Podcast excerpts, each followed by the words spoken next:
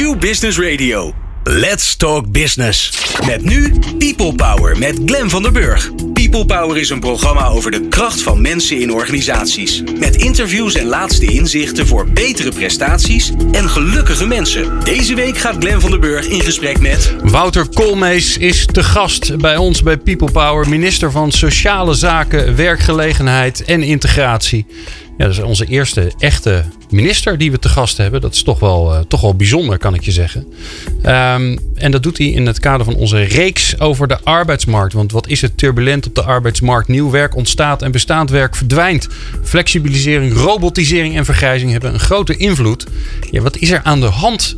En wie komt er in actie? En vooral, en dat is een beetje de drijfveer van ons achter deze hele reeks. Hoe voorkomen we dat mensen tussen wal en schip belanden? Elke maand onderzoeken we deze vragen in People Power. En dan gericht op de arbeidsmarkt. Wil jij onze nieuwste afleveringen van People Power via WhatsApp? Sla dan ons nummer op onder je contactpersonen 0645667548. En stuur ons een berichtje met je naam en podcast aan. Dan sturen wij de nieuwste afleveringen direct zodra ze online staan. Fijn dat je luistert naar People Power. People Power met Glen van den Burg. Werk is al lang niet meer alleen een bron van inkomsten om je dagelijkse boodschappen en je hypotheek te betalen. Werk speelt een belangrijke rol in ons leven. We besteden er na slapen misschien wel de meeste tijd aan.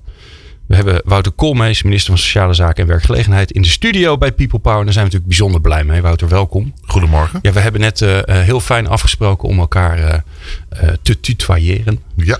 Dus ik noem je gewoon Wouter. Zo heet je gelukkig ook, dat scheelt. Um, ja, die waarde van werk. Ik vind dat altijd magisch hoe dat werkt.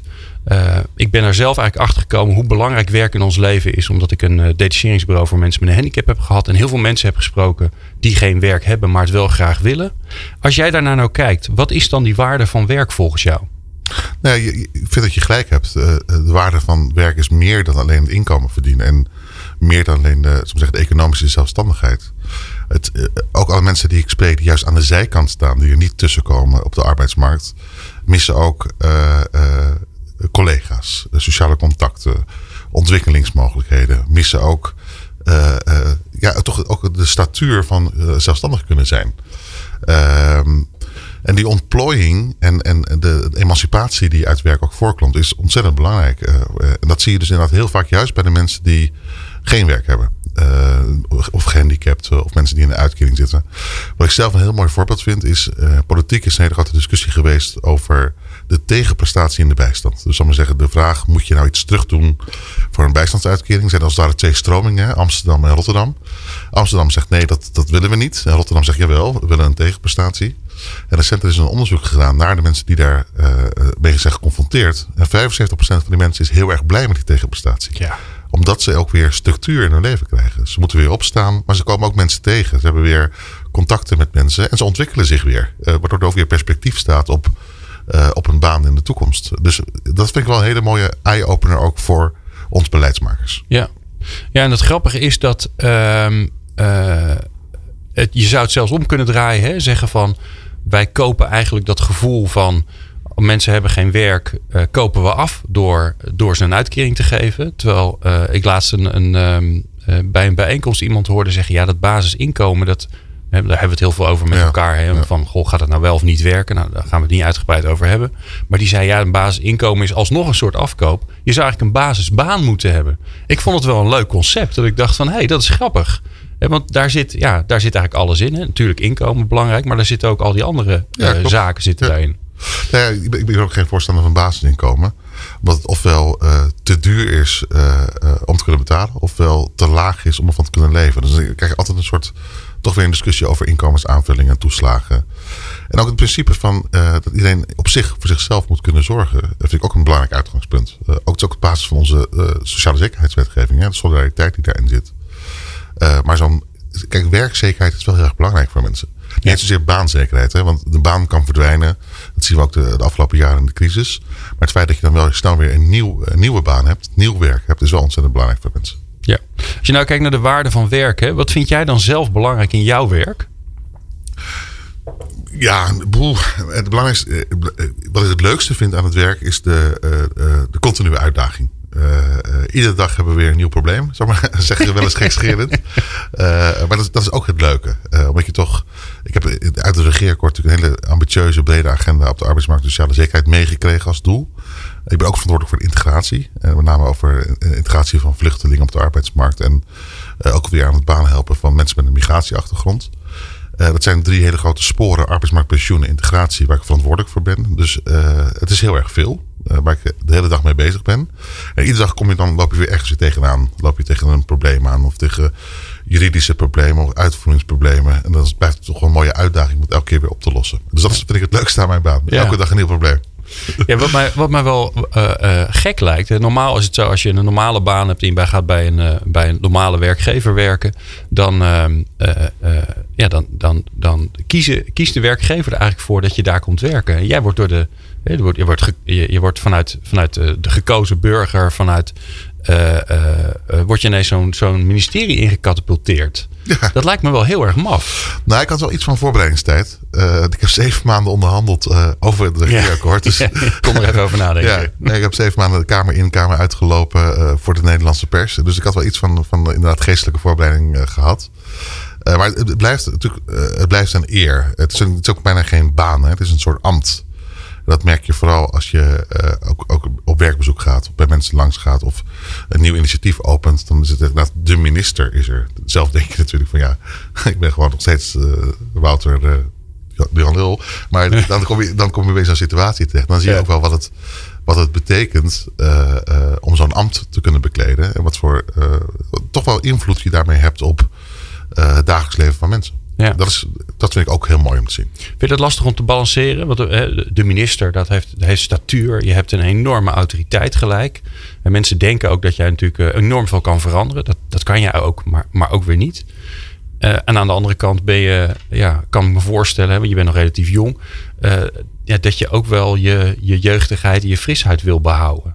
Dat het niet ineens heel formeel moet gaan worden. Allemaal. Ja, precies. En ook uh, wat ik belangrijk wat je heel vaak ziet, eh, of wat je merkt, is dat je dan niet meer alles hoort. Uh, uh, terwijl normaal gesproken, als je gewoon, als ik, jij en ik gewoon staan te praten bij een bar en je zou niet weten dat ik minister ben en je praat gewoon over wat jouw dagelijkse beslommeringen zijn als, als radiomaker en waar je mee geconfronteerd wordt, ben je vaak veel opener dan als je, als je met een minister praat. Want mhm. dan is, is er gelijk een soort afstand. Ja.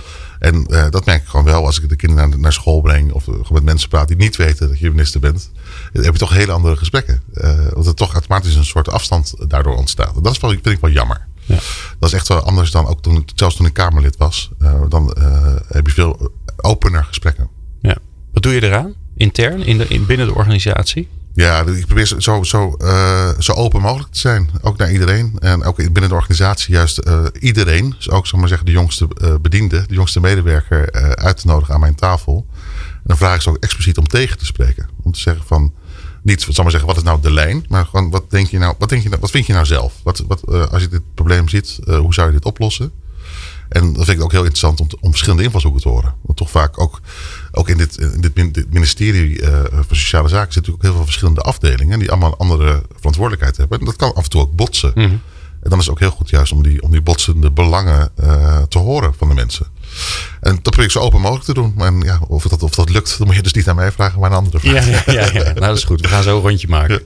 Ik, ik heb ooit eens een keer hier uh, in dit ministerie, of tenminste toen zaten jullie nog ergens anders. Um, was ik bij een bijeenkomst en daar, uh, daar werd er eigenlijk verteld over een, uh, was een, een, een, volgens mij een, een Britse afgevaardigde van, van het ministerie al daar.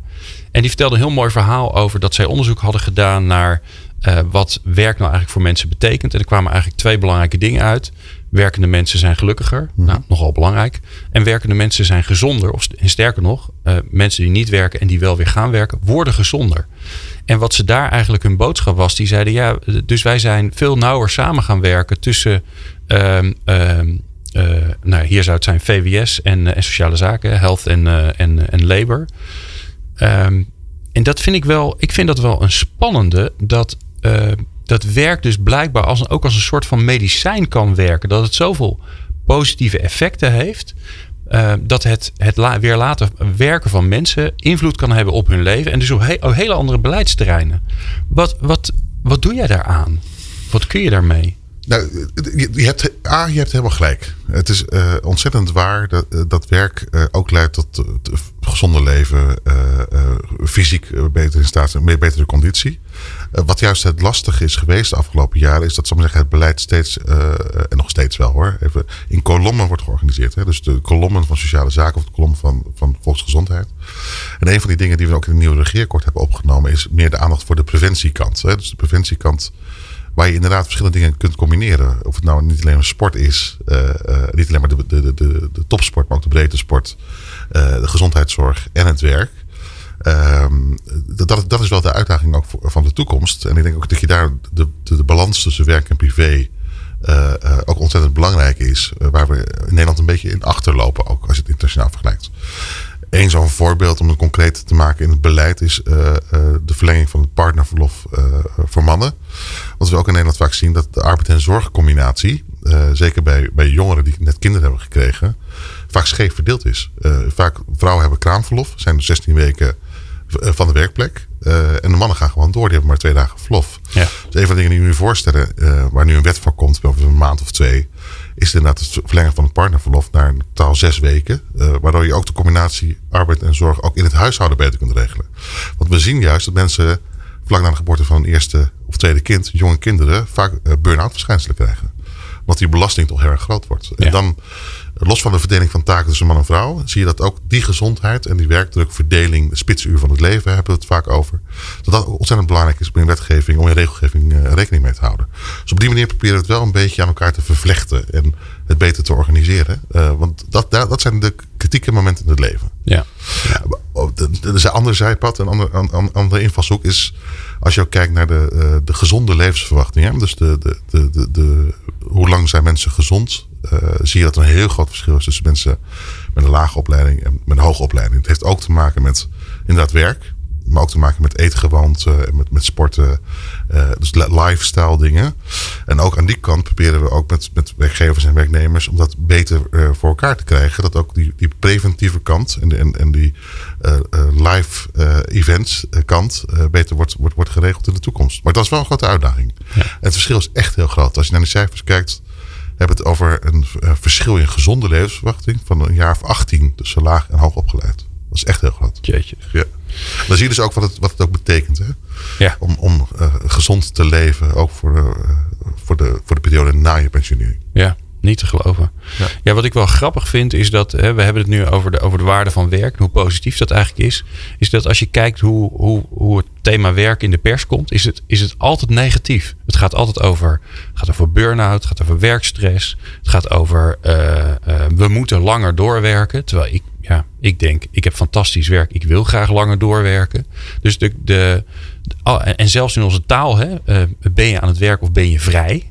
Uh, de week is door, weer door midden, hoor je dan op de radio. Dan denk je, jeetje, de week is weer door midden. Alsof het, een, alsof het echt een, een vreselijke straf is dat je moet werken. Zaagmans is geweest. Ja. Vind jij het nou niet, uh, ik ga eens even een beetje suggestief doen hoor. Vind jij het nou niet een idee dat we eigenlijk dit hele thema werk gewoon veel positiever moeten laden? Dat het fantastisch is dat je werkt. Nee, ben, dat ben ik helemaal met je eens. En uh, je moet wel beseffen dat we een hele grote cultuurverandering hebben doorgemaakt in relatief korte tijd.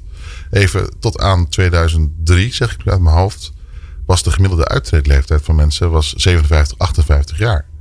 Dus uh, door de FUT, hè, de prepensioenregelingen, was het uh, de, de, dat je heel snel, zal maar zeggen, uh, dat er niet meer geïnvesteerd werd in jou. als je 45 was, ging de werkgever eigenlijk geen nieuwe, nieuwe opleidingen of, of, of baanopties creëren. Want ja, je hoeft er nog maar 10 jaar. Ja, en ik ben 46, kan je nagaan. Hè? Dat en, is toch... en dat is in een oh. hele korte tijd is dat natuurlijk ontzettend veranderd. Uh, dat heeft deels te maken door, die, door de afschaffing van die fut- en prepensioenregelingen. Ook vanwege de vergrijzing natuurlijk. Maar je ziet dus dat in een periode van 10, 15 jaar... de uitreidleeftijd van 58 jaar naar nu bijna 65 jaar. Dus dat is al zeven jaar uh, dat mensen het langer doorwerken. Plus de toekomst wordt natuurlijk die AOW wordt ook gekoppeld aan de stijging van de levensverwachting. Want ja, we moeten ook onze, onze uh, sociale voorzieningen uh, kunnen blijven betalen in de toekomst. Maar dat betekent wel een hele mindset, een hele andere verandering op de arbeidsmarkt. Als het gaat over inderdaad, hoe zorg je ervoor dat je gezond je pensioen haalt. en hoe we het ook leuker en interessanter en meer ontwikkelingsmogelijkheden. Leven lang leren. maar ook veranderingen van baan. Hè? Dus het voorbeeld dat ik zelf altijd geef in alle zaaltjes waar ik sta Iedereen begrijpt dat een brandweerman van 63 jaar niet meer met 60 kilo op zijn rug een brandend huis ingaat. Maar dat weten we al als mensen 45 zijn. Dus waarom gaan we niet, als we 45 zijn, nadenken over welke baan ga ik nu wel doen die leuk is, die uitdagend is, die me ook werkplezier geeft en die me ook gezond maakt. Uh, om wel uh, gezond die, die pensioenleeftijd te halen. En dat is, dat is echt een cultuurverandering die nu langzaam doorcijpelt. Maar ja, decennia lang hebben we natuurlijk de andere kant benadrukt. Laten we vooral mensen zo snel mogelijk van de arbeidsmarkt weghalen. Om daarmee jongeren een kans te en geven. ruimte te maken. Ja. Op de arbeidsmarkt. Wat nooit, nooit gelukt is. Hè? Dat heeft nooit zo gewerkt. Maar het heeft wel ook de hele uh, mindset rond, rond werk uh, uh, een, soort, soort negatief gevoel gegeven. En langzaam gaan we daar gelukkig, vind ik, vanaf. Mooi zo. Ja, en daarbovenop uh, zijn er ook nog eens een keer heel veel veranderingen in de wereld van werken. Werk verdwijnt, er komt nieuw werk voor terug. En uh, straks ga ik aan Wouter Koolmees vragen hoe we ervoor kunnen zorgen dat er geen slachtoffers vallen. Want ja, tussen al die turbulente ontwikkelingen, daar dreigen natuurlijk mensen tussen wal en schip te vallen. En dat hoor je straks. People Power. Inspirerende gesprekken over de kracht van mensen in organisaties. Met Glen van der Burg. Turbulente ontwikkelingen op het gebied van technologie en demografie en zo nog veel meer dingen overigens zorgen ervoor dat werk enorm verandert. We zien het gebeuren, maar als niemand iets doet, dan gaan er veel mensen tussen wal en schip belanden. Daar praten we over met Wouter Koolmees, minister van Sociale Zaken en Werkgelegenheid. En terwijl ik dit aan het opschrijven was, Wouter, dacht ik, moeten we die, moeten we die term niet om, omdraaien? Als we werk zo belangrijk vinden, dan moet het eigenlijk werkgelegenheid en sociale zaken worden. Ja, het grappige is dat dit heeft een historische verklaring. Hè? Het was uh, vroeger uh, het ministerie van Arbeid. Uh, daarna bij de, de, de, ontwikkeling van de welvaartsstaat, na de Tweede Wereldoorlog, waar inderdaad sociale zekerheid werd opgetuigd, de AOW en de bijstand en de WW, dat soort dingen. Toen werd het vooral sociale zaken. En Joop den L, toen hij minister werd, heeft vicepremier werd hij ook, heeft ook de werkgelegenheid eraan gekoppeld. Want hij vond dat ook uh, werkgelegenheidsbeleid ook een uh, verantwoordelijkheid was van de Rijksoverheid. Dus dat is een beetje de historie van hoe de, hoe de naam van ja. het ministerie in het loop der tijd is veranderd. En eigenlijk is het ook uh, het ministerie van Sociale Zaken, Werkgelegenheid en Integratie op dit moment. Kijk dus. Ja. Maar ja, af en toe denk ik wel zo, het ministerie van Arbeid. Als ik in het buitenland ben, als ik met, met zeker Anglo-Saxische collega's praat, heb ik altijd het Ministry of Labor. Dat ja. begrijpen ze dan beter. En dan snappen ze gelijk wat je doet. Wij hebben in, uh, in eerdere afleveringen die we gemaakt hebben over de arbeidsmarkt, uh, hebben we andere leuke gasten ontvangen. waaronder Tom Wildhagen, die je vast wel, hoogleraar ja. arbeidsmarkt aan de Tilburg Universiteit. En ik heb aan ze gevraagd of ze een vraag aan jou hadden. Grappig hè? Dus dan gaan benieuwd. we. Jij bent benieuwd hè? Nou, daar, daar komt hij hoor. Nou ja, kijk, het allerbelangrijkste. Hoe ga jij faciliteren dat mensen zich kunnen voortdurend kunnen upgraden en kunnen doorontwikkelen. Los van het type contract dat ze hebben, of ze nou ZZP'er zijn of welk shirt ze ook aan hebben. En hoe ga je dat beter doen dan nu? Wij leiden nu alleen maar op voor het kunnen blijven doen van het bestaande werk in de bestaande sector. Dat gaat ons enorm opbreken. En dat gaan allemaal weer mensen worden die eindigen in het onbenut arbeidspotentieel. Dat is de vraag. Zo. Ja, zo. Of, of, je dat even wil oplossen. Nou, daar ben ik wel mee bezig. Uh, de heer Wildhagen heeft natuurlijk uh, helemaal gelijk. Uh, te lang. Ik ga eerst twee, twee andere dingen zeggen. Leven lang leren, die term hoor ik al, al 15 jaar. Mm -hmm. sinds ik, ik ben arbeidseconoom van huis uit. Ik ben er ook op afgestudeerd. Toen was al sprake van employability en leven lang leren en al die termen.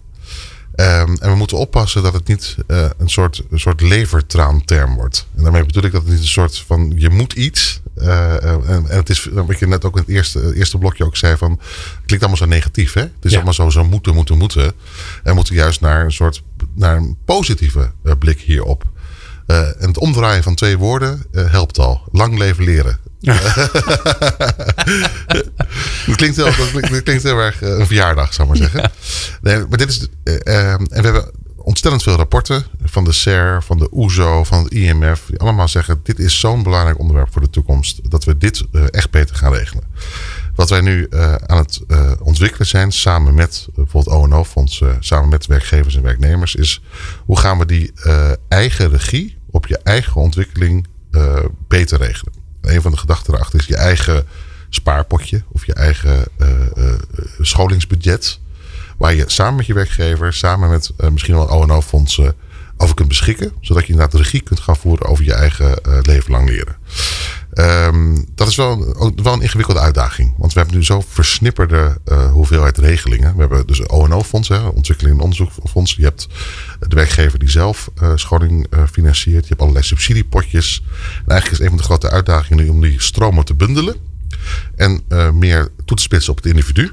Zodat het individu meer regie krijgt over zijn eigen leven. En dat je het dus ook over de branches heen kan nemen. Want dat is een van de uitdagingen. Dat, dat die ONO-fondsen, daar zit best wel een, bak geld in. Ja, 240 miljoen per jaar. Ja, dat, Is best, uh, dat is best de moeite. Ja, als je, precies, ja. Als je kijkt naar de totale stroom, is 240 miljoen per jaar wat uitgegeven wordt aan ONO-fondsen. En 1,7 miljard euro per jaar die de werkgevers betalen. Er zijn twee, drie problemen. Eén, uh, vooral hoger opgeleiden maken er gebruik van. En lager en middelbaar opgeleiden veel minder. Twee, het is nog iets te veel gericht op de eigen bedrijf. Niet over de, de, de sectorale uh, overstijgende de scholing. En drie is, uh, uh, wat ik zei, die leventraangevoel. Hè? Dus dat, zeker bij de, mm lager opgeleide die niet zo'n hele positieve gevoel hebben over de schoolbankjes vaak. Maar zit, zit daar niet het belangrijkste in? Hè? Ik was toevallig, was dat gisteren? ja, gisteren of eergisteren was ik bij een grote bank. Ik zal ze niet bij naam noemen. Die hebben in de CEO afgesproken uh, we hebben een, eh, een, persoonlijk ontwikkelingsbudget of een duurzaam inzetbaarheidsbudget. Nou ja, hè, dus zoiets. Uh, eh, 1500 euro per jaar. Nou, Dat is echt de moeite. Um, daar maakt 15% gebruik van, van de hele organisatie. Dus ook daar, waar toch veel hoogopgeleiden zitten, blijkbaar is het regie nemen over je eigen loopbaan, is dat iets wat wij heel lastig vinden. Ja, klopt. En wat ook niet, wat ook niet, uh, niet in onze cultuur zit, wat we ook niet geleerd hebben, wat we nooit uh, gestimuleerd hebben. Uh, en dus dan zie je ook dat, dat Nederland het nog relatief goed doet, overigens. Een zijpad, eh, internationaal vergeleken. Maar dat we hier echt een stap moeten maken. En daarom vind ik het ook zo belangrijk dat die werkgevers ook meedoen. Want die werkgevers is, zijn toch vaak de bottleneck. Hè? Het gaat over de beschikbare tijd om het geld wat je dan hebt ook te kunnen besteden. Maar ook om in het personeelsbeleid, in het human resource beleid, ook aandacht te hebben voor. Nou, je doet nu dit. Uh, maar wat ga je dan over tien jaar doen? En mm. wat is dan je, je ontwikkelperspectief? En daarom is het zo belangrijk dat zo'n werkgever met zo'n POP, zo'n persoonlijk ontwikkelingsplan, uh, of een APK, dat is een loopbaan APK, uh, uh, ook echt wel aandringt bij een werknemer om hierover na te denken. En dat ook dat het budgetje ook in te, in te zetten om die, om die scholing te volgen. Dat kan zijn binnen je eigen bedrijf, maar dat kan ook zijn juist in een sector die krimpt. En de bankensector is er daar een van. En de bankensector heeft natuurlijk de afgelopen jaren veel mensen moeten ontslaan. Hetzelfde geldt voor de grafie media. Hmm. Er zijn ontzettend veel mensen banen kwijtgeraakt. Hoe gaan we die mensen nou omscholen naar een, een nieuwe baan in een andere sector, waar wel uh, werkgelegenheid stijgt? En dat is de grote uitdaging. Dus eigenlijk de combinatie van deze dingen. De regie ook echt bij de werknemer leggen, maar wel ondersteund door de werkgever, loopbaanontwikkeling, poppen en dat soort dingen. En hoe gaan we ervoor zorgen dat het niet meer in kokertjes is van dit is mijn budgetje voor mijn bedrijf of voor mijn sector, maar juist breder over de hele economie. Want er zijn nog wat transities die op ons afkomen. Nou ja, dat is natuurlijk, de, dat is natuurlijk het spannende. Hè? Je, je, je, ik noem altijd maar het voorbeeld van, uh, van onze uh, lokale Albert Heijn te Wageningen. Daar is de helft van alle kassa's is ondertussen zelfscan. Sterker nog, er staat een, rij bij de zelfscan. Terwijl de dames achter de kassa zitten te wachten tot er iemand langskomt. Hè. Zo bizar zit ons gedrag in elkaar. Ja. gaat helemaal nergens over. Maar je ziet dus daar, zie je, ja, die, die, die cashiers die gaan verdwijnen. En, en zo zijn er natuurlijk nog veel meer beroepsgroepen waar heel veel ontwikkeling is, waarbij het werk of heel erg gaat veranderen, of misschien zelfs wel gaat verdwijnen. En wie maakt zich daar nou echt zorgen over? Ik ik heb hem nog niet gevonden. Nou, misschien zit hij tegenover me. Maar ik, dus ik wil niet die hele verantwoordelijk bij jou in je schoenen schuiven. Nee, ja, eh, eh, vooraf. Um, ik ben nooit van de negatieve school geweest in deze. Uh, want uh, robotisering of industrialisering, of hoe je het ook noemt, is natuurlijk niet van, van alleen maar de laatste tien jaar. Het is natuurlijk al 150 jaar aan de gang. Kijk bijvoorbeeld wat in de landbouw gebeurd is. Hè. Rond de tweede, na de Tweede Wereldoorlog werkte ongeveer 40%, 50% van Nederland werkt in de landbouwsector. Mhm. En nu is het nog 3%. Uh, terwijl we na de Verenigde Staten de grootste exporterende land van landbouwproducten in de wereld zijn. En we hebben in Wageningen zo'n prachtige universiteit staan die tot de wereldtop behoort. Uh, dat we gewoon hele slimme dingen zijn gaan doen. Uh, kapitaalintensieve dingen zijn gaan doen. Dus ik ben niet zo, ben niet zo pessimist hierover. Tegelijkertijd zie je wel dat er uh, grote verschuivingen zijn. of het nou over de energietransitie gaat, of inderdaad over de digitalisering en de zelfscankassa's. de grote uitdaging is. nee, één ding daarvoor wil ik nog zeggen. Wat ik heel erg uh, interessant vond, uh, de FME, hè, dus de werkgevers in de metaalsector, hebben recent onderzoek laten doen naar de medewerkers in de metaalsector. Hoe kijken ze nou aan tegen robotisering? En wat ik heel erg interessant vond en positief vond, is dat 80% van die werknemers vinden dit een kans omdat het hun werk leuker maakt. Ja. Je hebt nieuwe ontwikkelingen, nieuwe technologieën, nieuwe uitvindingen.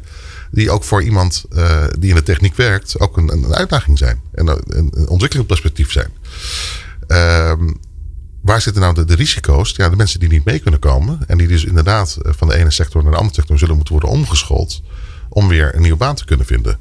Uh, en dat besef is er nu langzaam ook uh, hele obvious dingen, zoals de grafie media, omdat gewoon het aantal kranten daalt. Ja. De bankensector. Postbezorgers. Postbezorgers. Ja. Banken, ik heb, ben nooit meer in een bankkantoor. Ik doe alles via de app op mijn telefoon. Uh, dus heb je minder bankkantoren nodig. Uh, dus, dus is de uitdaging: hoe gaan we de mensen die in de bankensector werken helpen om in een andere sector aan de slag te gaan? Ja. En dat gaat eigenlijk wel goed. En er zijn ook sectoren waar mensen waar ze springen om mensen. De, de vacatures uh, spuiten nu omhoog. De arbeidsmarkt trekt hartstikke hard aan. Uh, en nu zie je dus ook vanwege dat de cross-sectorale leren, uh, zie je dus ook dat die ontwikkelingen ook opgepakt worden door ook de werkgevers in die sectoren. Dus ik ben niet heel pessimistisch over deze. Ik zie vooral kansen daarin. Alleen moet het wel goed begeleiden. Ja, maar dat, dat is hem volgens mij ook. Hè? Want ik de, je hoort ook wel eens mensen zeggen: ja, robotisering gaat ervoor zorgen dat er gewoon te weinig werk is. Nou, volgens mij verzinnen we altijd weer nieuwe dingen, waardoor er altijd weer meer werk is. Want er zijn genoeg dingen in mijn leven in ieder geval die ik prima door een ander wil laten doen. Uh, ja, hè? Ja. ja, ja, Tom, onze redacteur, zit te knikken. Ja. Ja, hè? Dat is ook alweer werkgelegenheid die ik alweer verzorg. Um, maar um, uh, welke verantwoordelijkheid voel jij nou voor jezelf daarin? Je bedoelt dan persoonlijk of als, van, als, als minister bedoel Als minister. Nou ja, de, de verantwoordelijkheid is uh, uh, vooral ervoor zorgen dat de mensen die inderdaad de negatieve gevolgen van deze ontwikkeling ervaren, die ook helpen uh, ondersteunen in het uh, in, in perspectief geven, handelingsperspectief geven. Om inderdaad van de ene naar de andere baan te gaan. En niet uh, langdurig in, in, in, in een uitkering of inderdaad wat de heer Wildhagen zegt in het onbenutte arbeidspotentieel te verdwijnen. Ja. We hebben nog steeds in Nederland 1,2 miljoen mensen die behoren tot het zogenoemde onbenut arbeidspotentieel. Ja. Terwijl tegelijkertijd werkgevers in heel veel sectoren zitten te springen om, om mensen. Dus de, de, de vraag en de aanbod bij elkaar brengen en, en ook een oplossing bieden voor die, voor die kwalitatieve mismatch. Hè, dus vaak gaat het toch dat het opleidingsniveau niet aansluit bij de wensen uh, van de werkgever. Daar moeten we uh, veel aan doen de komende tijd. En wat ik heel positief vind. Maar noem eens één ding waarvan je zegt van daar, daar zijn we nu mee bezig. Nou, drie dingen. Het is altijd zo, de politie hebben altijd Ja. drie dingen. nou, Eén is, ik heb dus recent een, dat is een experiment. Uh, die, dat loopbaanadvies. Dus die, die loopbaan APK. Uh, Ja. Voor 20.000 mensen heb ik een subsidiepot beschikbaar gesteld. Die dat kunnen gaan volgen in heel veel sectoren. Juist om, om, om te voorkomen dat je straks wordt geconfronteerd met een sector die er niet meer is. Ja, dus dat, dat is één concreet voorbeeld. Ander is die, uh, het voorbeeld over dat leven lang leren. Het persoonlijke ontwikkelpotje. En het derde is wat we nu aan doen. Het heet, ja, sorry voor de beleidstermen, maar dat heet matchen op werk. Uh, waar we uh, op regionaal niveau, want er zijn uh, in Nederland arbeidsmarktregio's, werkgevers en werknemers. En dan ook de, de, de, de, de kaartenbakken van de UWV en de, de, de participatiewet of de bijstand aan elkaar koppelen. Om te kijken hoe zorgen we hier nou voor een betere match. Nou, heel concreet leidt dat dan tot projecten zoals bijvoorbeeld in Groningen, het duizend banenplan. Uh, waar uh, werklozen of mensen met een uitkering opgepakt worden, door werkgevers. Uh, een scholingstraject krijgen van een jaar, anderhalf jaar. En daarna een baan krijgen in de bouw of in de, in de techniek. Waar in de komende jaren in Groningen, vanwege dat, dat schade en herstel en de energietransitie, ontzettend veel behoefte aan is. Dat zijn hele concrete, praktische projecten. Die ook heel, ja, heel tastbaar zijn voor die mensen. Wat ze ook weer perspectief krijgen om mee te gaan doen. En dat, dat is heel mooi, ja. Waar heb je nou hulp bij nodig? Want dat, dat, dat zinnetje. Dat, Ja. Uh, vaak wordt er dan gekeken, dit soort projecten zijn vaak klein, kleinschalig en regionaal. Waarom doe je het niet groots en landelijk?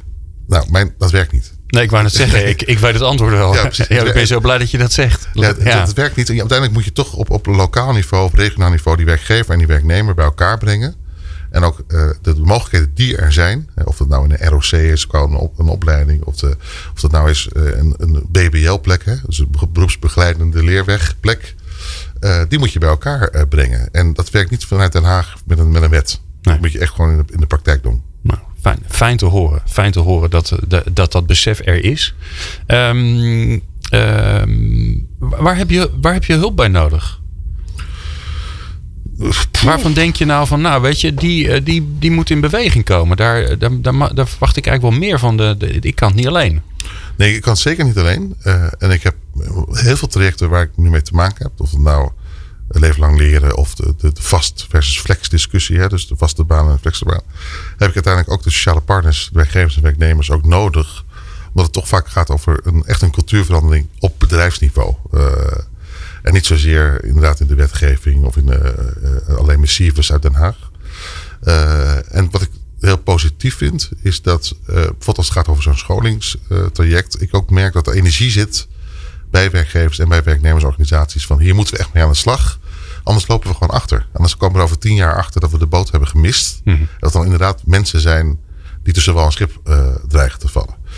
En om het heel concreet te maken, dat zie je nu ook soms al ontstaan. Uh, mensen die uh, bijvoorbeeld 62 of 63 jaar zijn, zijn ontslagen bij hun vorige werkgever en eigenlijk gewoon niet meer tussenkomen omdat ze gewoon. Ze sturen honderden brieven. Ze solliciteren zich suf. Ja. We worden niet uitgenodigd, uh, want we zijn te oud. Uh, en dat, dat is natuurlijk maatschappelijk en sociaal uh, verschrikkelijk. doe, alle, doe alle beleidsdingen aan.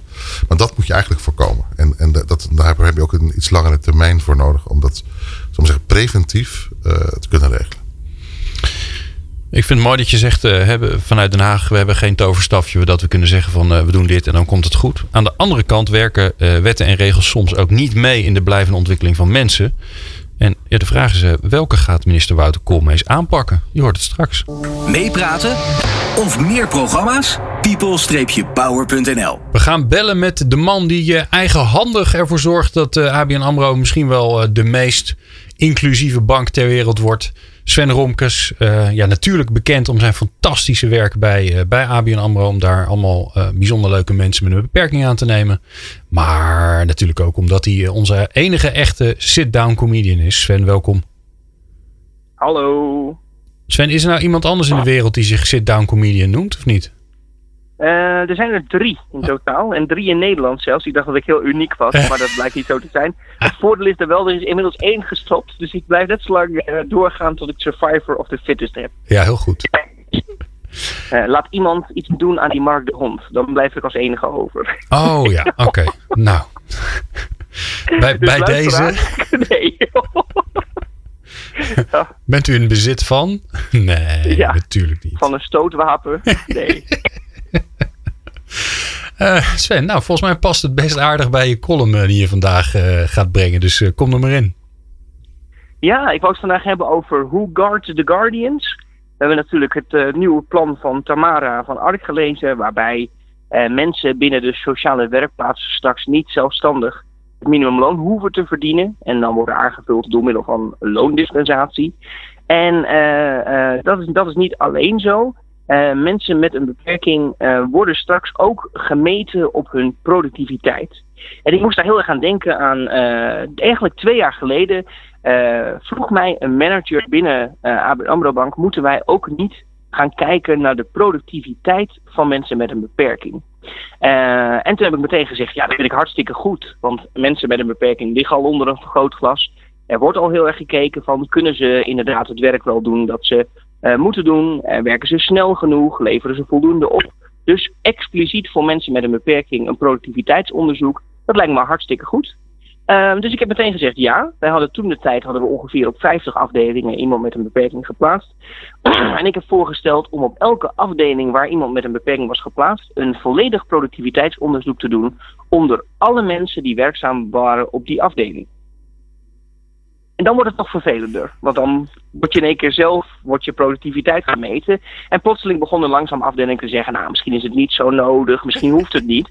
En misschien kunnen we op een andere manier kijken naar productiviteit en samenwerking.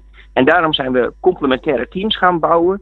En hebben we juist gezorgd dat mensen die een zware beperking hebben, maar wel talent in een bepaald ding, veel meer taken van dat bepaalde ding gaan doen. En daardoor veel sneller en veel beter in hun kracht zitten iemand die goed is in creatieve teksten schrijven, schrijft niet alleen voor zichzelf creatieve teksten, maar voor het hele team. Dus daarmee was die hele productiviteitsdiscussie binnen de bank echt voor goed verleden tijd, want je moet het toch met z'n allen doen. En Tamara van Ark komt eigenlijk, uh, nou ja, twee jaar na dato terug met een plan waarbij ze productiviteit laat meten uh, onder mensen met een beperking. En ja, eigenlijk een, een oud idee. Uh, maar ik ben er hartstikke voor. Laten wij in godsnaam continu de productiviteit meten van alle mensen met een beperking. En al die mensen die productiviteit meten, daarvan moet ik ook gemeten hebben wat hun productiviteit is. Ik ben eigenlijk voor om van die productiviteit metende productiviteitsmeters daar boven iemand te zetten die ook weer hun productiviteit kan meten. En als je dat piramidespel opbouwt tot de bovenste lagen, dan denk ik dat je zo meteen de banenafspraak in één keer hebt gerealiseerd. Dus ik ben er ontzettend voor. Laten we gewoon iedereen hun productiviteit meten. En voor diegenen die nu achter een kantoortje zitten te patiënten achter een beeldscherm. We are coming and we are meting your productiviteit. Dus uit het scherm en aan de bak. Ja, fantastisch toch? Ja, ja, grappig. Ja, ik zat gelijk te denken hoe is het eigenlijk met mijn productiviteit en hoe de hel zou je dat überhaupt kunnen meten? Volgens mij ben ik, ben ik meestal heel erg impo, zie ik er heel improductief uit en soms zie ik er heel productief uit, maar dat komt weinig voor.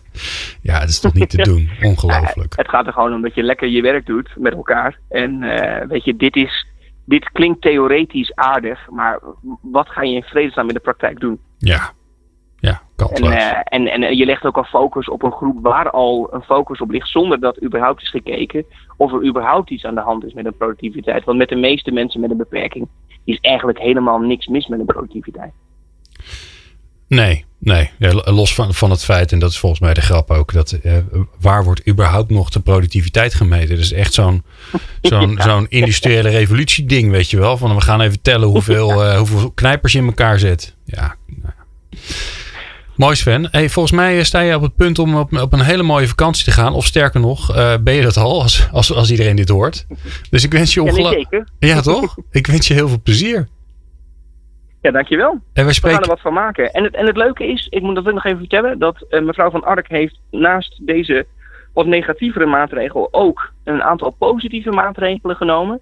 En die zijn zo ondergesneeuwd dat we binnenkort zitten we samen om te kijken hoe we dat wel op een goede manier kunnen vertellen aan de mensen. Want ik denk dat 90% eh, van de mensen niet heeft meegekregen dat voortaan iedereen met een vastgestelde arbeidsbeperking, onafhankelijk van of je het minimumloon kan verdienen, meetelt in de hmm. banenafspraak en de quotumwet. Mooi, ja. Ja, zonde dat, dat, dan weer, dat je dat dan weer niet hoort. Nou ja. Daarom, en ik dacht, via jou hoorde je het nu wel. Daarom, nu, weten, nu kan de hele wereld het weten. Heel goed, heel goed. Hey Sven, dankjewel en ik spreek je volgende maand weer. Jo, tot volgende maand. Hoi hoi. Met Glen van der Burg. Meer luisteren? people-power.nl De systemen, contracten, regels en wetten en nog veel meer van dat soort dingen... die moeten ons helpen en beschermen. Maar soms staan ze mensen ook in de weg om zich te ontwikkelen. En laten we nou degene die over al die wetten en die regels gaat hier in de studio hebben. Wouter Koolmees is de gastminister van Sociale Zaken, Werkgelegenheid en Integratie, heb ik net geleerd. Ik heb ook weer wat geleerd vandaag. Um, ja, Wouter, eerste vraag. Als jij nou kijkt naar, naar dat, dat hele bouwwerk, hè, dat is natuurlijk in tientallen jaren is dat ontstaan. Ondertussen verandert de wereld nog sneller dan dat het vroeger al deed. Uh, je hoeft ze niet allemaal te noemen hoor. Maar, maar welk systeem, welk specifieke systeem of specifieke wet zeg jij nou van, nou ja, dat, die, die werkt eigenlijk niet meer. Die knelt, die, die zit mensen in de weg, daar moeten we echt wat aan doen. Het is heel lastig om inderdaad naar één wet of één specifiek punt te wijzen. Het is vaak juist uh, uh, de combinatie van, die, van de regels die in het verleden zijn ontstaan. Die toen een hele uh, logische achtergrond hadden, een hele verklaarbare achtergrond hadden. waar op een gegeven moment andere regels bij zijn gekomen die met elkaar conflicteren.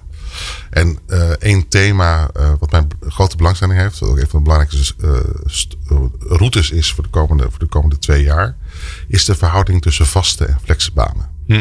Uh, wat je ziet is dat uh, door al die regels, uh, verschillende regels, bijvoorbeeld werkgevers heel wantrouwend zijn geworden om mensen in vaste dienst te nemen. Dat heeft te maken met de loondoorbetaling bij ziekte, de wet werk en zekerheid, ontslagwetgeving en dat soort dingen. En aan de andere kant zien we dat de flexkant een hele sterke ontwikkeling heeft genomen. En dat heeft natuurlijk alles met elkaar te maken. Want als een hm. werkgever mensen geen vaste baan meer willen geven, dan gaat hij op zoek naar alternatieven. En dan worden er aan de flexkant alternatieven ontwikkeld. Waar ook weer problemen gaan ontstaan. Want, want 80% van, en dan heb ik niet over de ZZP, voor de duidelijkheid. Dan heb ik echt over mensen met een flexcontract of een nul contract of een payroll contract. Daar zie je dat 80% van de mensen die daarvan afhankelijk zijn, eigenlijk ongelukkig zijn met een situatie. Want ze geen perspectief hebben op een, op een baan. En daarmee niet op inkomenszekerheid. En niet op de kans om een hypotheek te krijgen. Vaak eh, ook niet de kans om zich te ontwikkelen. Dat ze niet in aanmerking komen voor het scholingsbudgetje. En dan zie je dus dat, dat al die. Nou, ik, ik heb nu een wetsvoorstel in voorbereiding waar er 16 maatregelen in zitten. op 16 uh, onderwerpen wordt dan uh, de wet aangepast. Om ervoor te zorgen dat het balans tussen vast en flex meer, ja, meer in balans komt. Ja. Het evenwicht meer in evenwicht komt. Ja, waar moet je dan aan denken? Ik zal twee, drie voorbeelden noemen. Eén is de, de loondoorbetaling bij ziekte. Zeker voor MKB-ondernemers die zeggen van. Uh, het gaat niet eens zozeer over de loondoorbetaling. Het gaat over de reïntegratieverplichtingen die je als werkgever hebt. Waar je helemaal geen tijd voor hebt als, als kleine werkgever. Of helemaal niet de kennis voor hebt. Uh, dan dreigt er wel een boete. Hè, als je dat niet goed doet. Nou, dat, dat zorgt er gewoon voor dat zo'n kleine werkgever geen mensen meer in de vaste dat is een risico, wat, dat is een risico. Wat, je niet wil, wat je niet wil lopen. Nee, precies. Nee.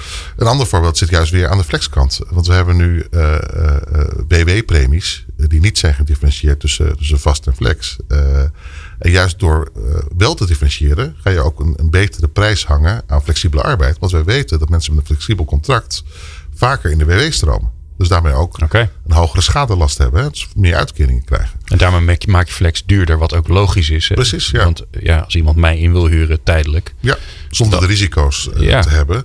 Ik, dat ben ik, ik, ben, ik ben hartstikke flex, maar ook hartstikke duur. Ja, en het grappige is dus dat, je, dat dat in Nederland een beetje omgedraaid is. Dus dat flex in heel veel gevallen veel goedkoper is. Dus door een aantal maatregelen te nemen, zoals een premiedifferentiatie in de WW, maar ook uh, het, opbouw van de ontslagkostenvergoeding, transitievergoeding heet dat, vanaf dag één. Voor, ook voor flexwerkers. Dat begint nu pas na twee jaar. Dus als je een contract hebt voor twee jaar, ga je pas een transitievergoeding opbouwen. Dat wil ik vanaf dag één hebben. Ook juist weer om, het, om de balans tussen vast en flex uh, te herstellen. Ja, ik begrijp voor de luisteraars dat er heel veel techniek achter zit. maar dan zie je ook hoe complex het is. En dan, hoeveel knoppen je moet gaan draaien om eigenlijk weer de arbeidsmarkt weer in balans te brengen. Om, weer te, om, meer uh, eigenlijk weer de, de, de, vaste baan als normaal te hebben. En tegelijkertijd wel voor te zorgen dat flexibele arbeid wel mogelijk blijft. Want je hebt ook als werkgever soms behoefte aan nou ja, piek en ziek. Hè? Dus uh, mensen in, in het Westland, hier, in de buurt, hebben gewoon een oogseizoen. En hebben dan handjes nodig om, om die tomaten van die bomen te plukken. Maar je hebt ook mensen die, die vervanger voor ziekte nodig hebben. En wat we ook niet moeten vergeten is dat uh, flexcontracten of tijdelijke contracten ook heel vaak een opstapje zijn uh, naar, naar een vast contract. Hmm. Heel veel mensen uh, is het toch een laagdrempelige manier om aan het werk te komen. Dus we moeten ook oppassen dat we niet het kind met het badwater weggooien. Nou, daar continu een soort evenwicht in zien te vinden, is, is, is de uitdaging. Nou, wat wel grappig is, we hebben uh, Aukje Nauta uh, volgens mij in januari uh, in de studio gehad. Aukje heeft een eigen bedrijf, maar is ook hoogleraar. Nou, daar komt hij hoor. Enhancing individuals in a dynamic work context. Prachtig hè? Dus mooi, dus die houdt mooi. zich bezig met die ontwikkeling van mensen. En die heeft een, heeft een idee voor je waarvan ze benieuwd is wat je ervan vindt. We gaan, laten we even naar de gaan luisteren. Beste meneer Koolmees, ik zou het heel erg mooi vinden uh, als er eens geëxperimenteerd wordt met het zogeheten employability contract. Laat ik het dat er dan toch uitlichten. En het employability contract wil zeggen uh, dat je een, uh, je, je vaste baan inruilt of je flexbaan van één jaar inruilt voor een vijfjarig contract. waarbij je daarnaast ja, minstens 20% tijd hebt en ook geld hebt om aan ontwikkelen, leren, innoveren, spelen te werken om te kijken of dat uiteindelijk onze arbeidsmarkt uh, frisser en fruitiger maakt. Uh, ja, dan wanneer we nu het vaste nog steeds te vast houden en het flex nog steeds te flex. Ja, wat het leuke is, zij, hè, ze, ze, roept op tot experimenteren. Want ze zegt ook, ja, we weten eigenlijk niet hoe dit soort dingen uitpakken. Klopt. Ja, de laatste zin, eh, vast, minder vast, flex, minder flex, is natuurlijk de lijn die ik net heb gesteld over ja. die. Uh, daar, daar ben ik het zeer mee eens. En de tussenvormen daarin zijn heel interessant. Uh, en ik vind het ook heel goed dat daar geëxperimenteerd mee wordt. Het kan al. Hè. De, de wetgeving okay. staat het niet in de weg. Sterker nog, er is recent uh, in de CAO voor de supermarkten is zo'n employability contract uh, afgesproken. En dat vind ik heel interessant om te kijken. Want in de supermarkten zien, zien we ook heel vaak jonge mensen instromen. Vakken vullen, de winkel bevoorraden. Maar ook heel snel weer uitstromen.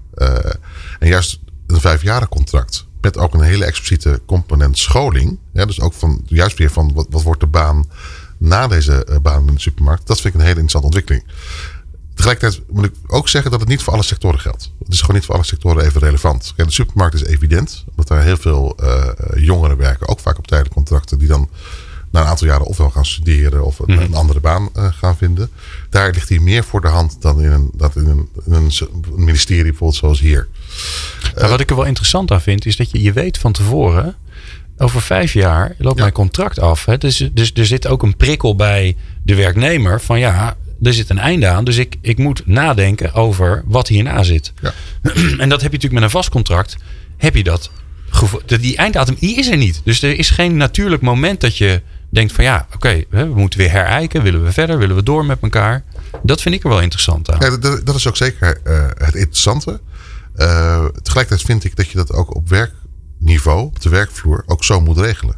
Dus ook eh, werkgever en werknemer onderling afspraken moeten maken over nou, wat ga jij de komende vier, vijf jaar doen? Welke functie ga je daarin vervullen? Maar wat is dan daarna ook je perspectief eh, op een, naar, naar een andere baan?